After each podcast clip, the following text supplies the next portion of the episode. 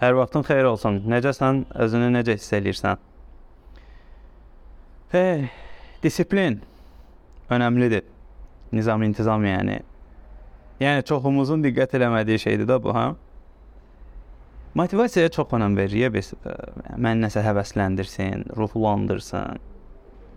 Səndə də olur da yəqin o. Bir kitab oxuyum, həyatım dəyişsin. Yox, nə edim ki, bu vəziyyətdən qurtulum? Mənə açığı bax belə çox suallar verirlər. Özəlliklə Instagramda olur bu. Bir məsələn deyir ki, bir kitab oxuyum, nitqim düzəlsin. Bir kitab oxuyum, iş tapım özümə. Yəni bu bir qəribə bir bir dənə şeylə həyatım dəyişsin kimi məsələlər daha çox olur. Mənim bir sözüm var, deyirəm ki, insan bunun mənə dəxli yoxdur. Öz işimlə məşğul olmalıyam düşündüyü və dediyi zaman inkişaf etməyə başlayır. Bax burada öz işimlə məşğul olmalıyam ifadəsi çox əhəmilidir. Çünki bu elə disiplinin əsasıdır. Disiplin nizam-intizam deməkdir. Və mən düşünürəm ki, disiplin insanın özünə etdiyi ən böyük hədiyyədir. Disiplin insanın özünə etdiyi ən böyük hədiyyədir. Bax, velosiped sürürəm. Uzun müddətdir sürürəm və mən bunu e, peşəkar səviyyəyə qaldırmışam artıq. Yarışlara qoşulacam və s. və s. nəysə. Disiplinlə motivasiyanın fərqini deyim. Tezdən dururam, məsəl üçün saat 7-də ə, e, hədəf qoymuşam ki, hər gün minimum 30 35-40 kilometr sürəcəm. Sonra məsəl üçün velosipedlə gediləcək yerlər var. Məsələn, dırmanma, climbing. Məsəl ki, 500 metrə qalxırsan, sonra 1 kilometr, sonra 2 kilometr və s. Məsələn, ə, biri var orada tutaq ki, 1 kilometr sonra o dırmanmada da səni gözləyəcək kimsə var xanım dostun, kişi dostun, nə isə bir yemək, nə isə bir hədiyyə və s. sən ona görə ora gedirsən və bunu özü öldürə-öldürə ora qaldırırsan. Bura bu motivasiyadır.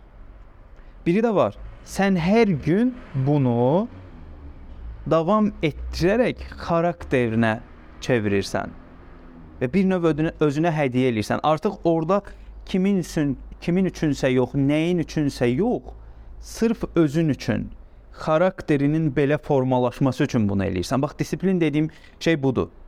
Bir növ belədir də, motivasiya qısa müddətlidir, tez yekunlaşır. Disiplin uzun müddətlidir və heç yekunlaşmır.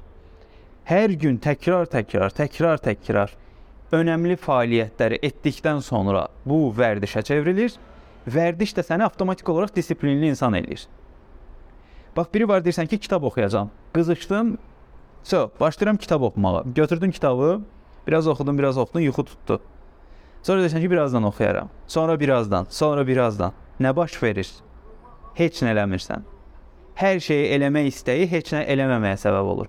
Bax, disiplinsiz motivasiya bizə hər şeyi eləmək istəyini aşılayır. Bunu da eləyim, onu da eləyim, bu birisini də eləyim. O it də getdi, ip də getdi ifadəsi var. Bax, elə bir vəziyyət yaranır. Heç nə eləyə bilmirsən bir dənə yerə fokuslanırsan, məsələn, kitab oxumaq. Mən 15 dəqiqə kitab oxuyacağam. Azdır. Bax, motivasiyada bir dənə sıxıntı odur ki, disiplin olmayanda, yəni nizam intizamın olmayanda çox belə nədənsə motivasiya alırsan və qızışırsan da özündən çıxırsan. Deyirsən ki, bu kitabı oxuyub qutaracağam. Səhvdir. Disiplin işləri yavaş-yavaş, ardıcıl şəkildə addım-addım görməyi öyrədir.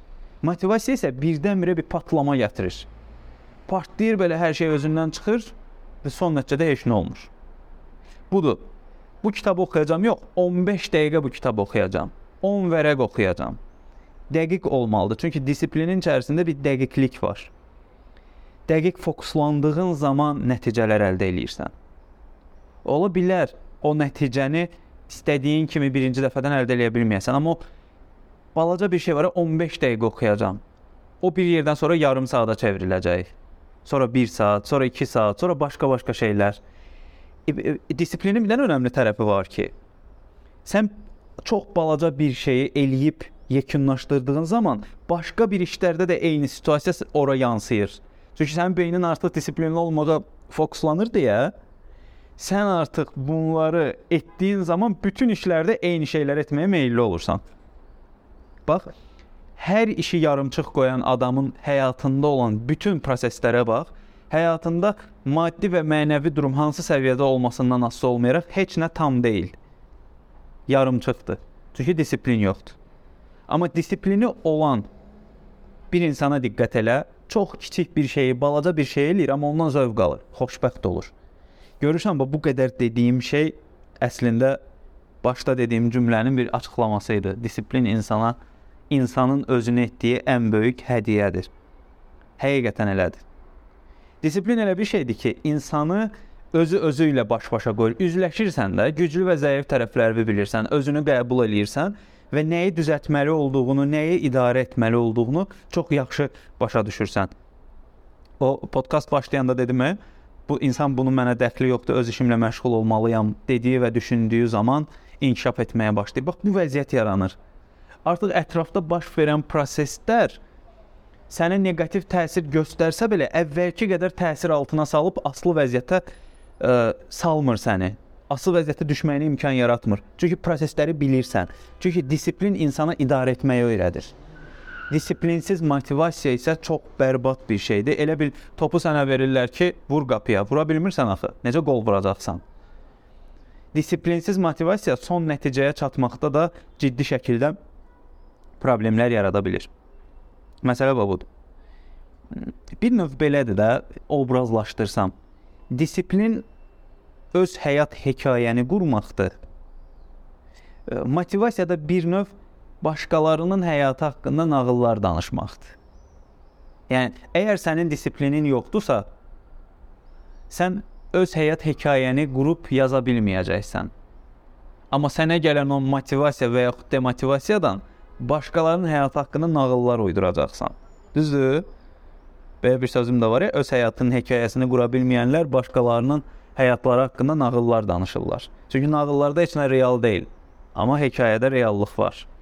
Nağıllar motivasiya ilə doludur, amma disiplində hekayə var. Yazdığın o bilgi, cızdığın o yol var, yazdığın o proses var. Oy da onlar o qədər qəşəngdir. Düşünürəm ki, bunları izah eləyə bilirəm.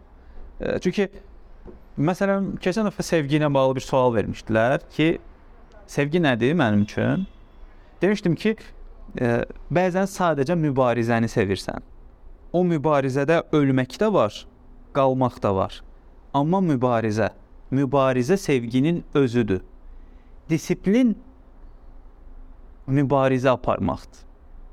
Disiplin sənə mübarizəni aparma, mübarizə aparmağı öyrədir o çətinlik, o addım-addım gedirsən, o bədənin əriyir, hiss edirsən formaya düşür. Qidan dəyişir, üzündə o görüntü dəyişir. Və fərqli olursan, belə onu yaşamalısan da. Yəni bu sözlə hər sözlə belə ifadə olunub o hissi ötürmək olmur da. O yaşamalısan bu o anı. Bax indi podkastı səsini yazıram. Oturmuşam ofisimizdə. Ofisimizdən buradan şəhərin mənzərəsi görsənir də. Mənim velosipedlə o Sovetsk tərəfdən elmlərə tərəf qalxdığım yol var, bu mərkəzi parkla. Və ora baxıram hal-hazırda. Bu, bu danışa-danışa o istiqamətə baxıram. Və necə qəribə görsənir. Ora qalxmaq o qədər çətin bir şeydir ki. Amma mən buranı hər gün elə bir düz yolla gedirmişəm kimi gedirəm. O qədər gedib gəlmişəm, o vərdiş olub və disiplin yaradıb. Çox ləzzət eləyir adama. Bu bu arada mən əlayam, superəm mənasında deyil, sadəcə nümunə olsun deyə deyirəm addım-addım eləyirsən və inanılmaz adamlarda adamda bir dəyişiklik yaradır. Məsələ budur. Belə disiplinlə bağlı düşüncələrin, təkliflərin, əlavələrin, fikirlərin olsa, mütləq yaz.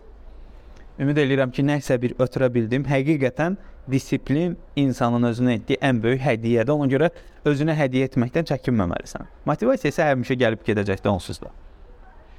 Növbəti podkastda görüşərik. Özünə yaxşı bax. Hələlik.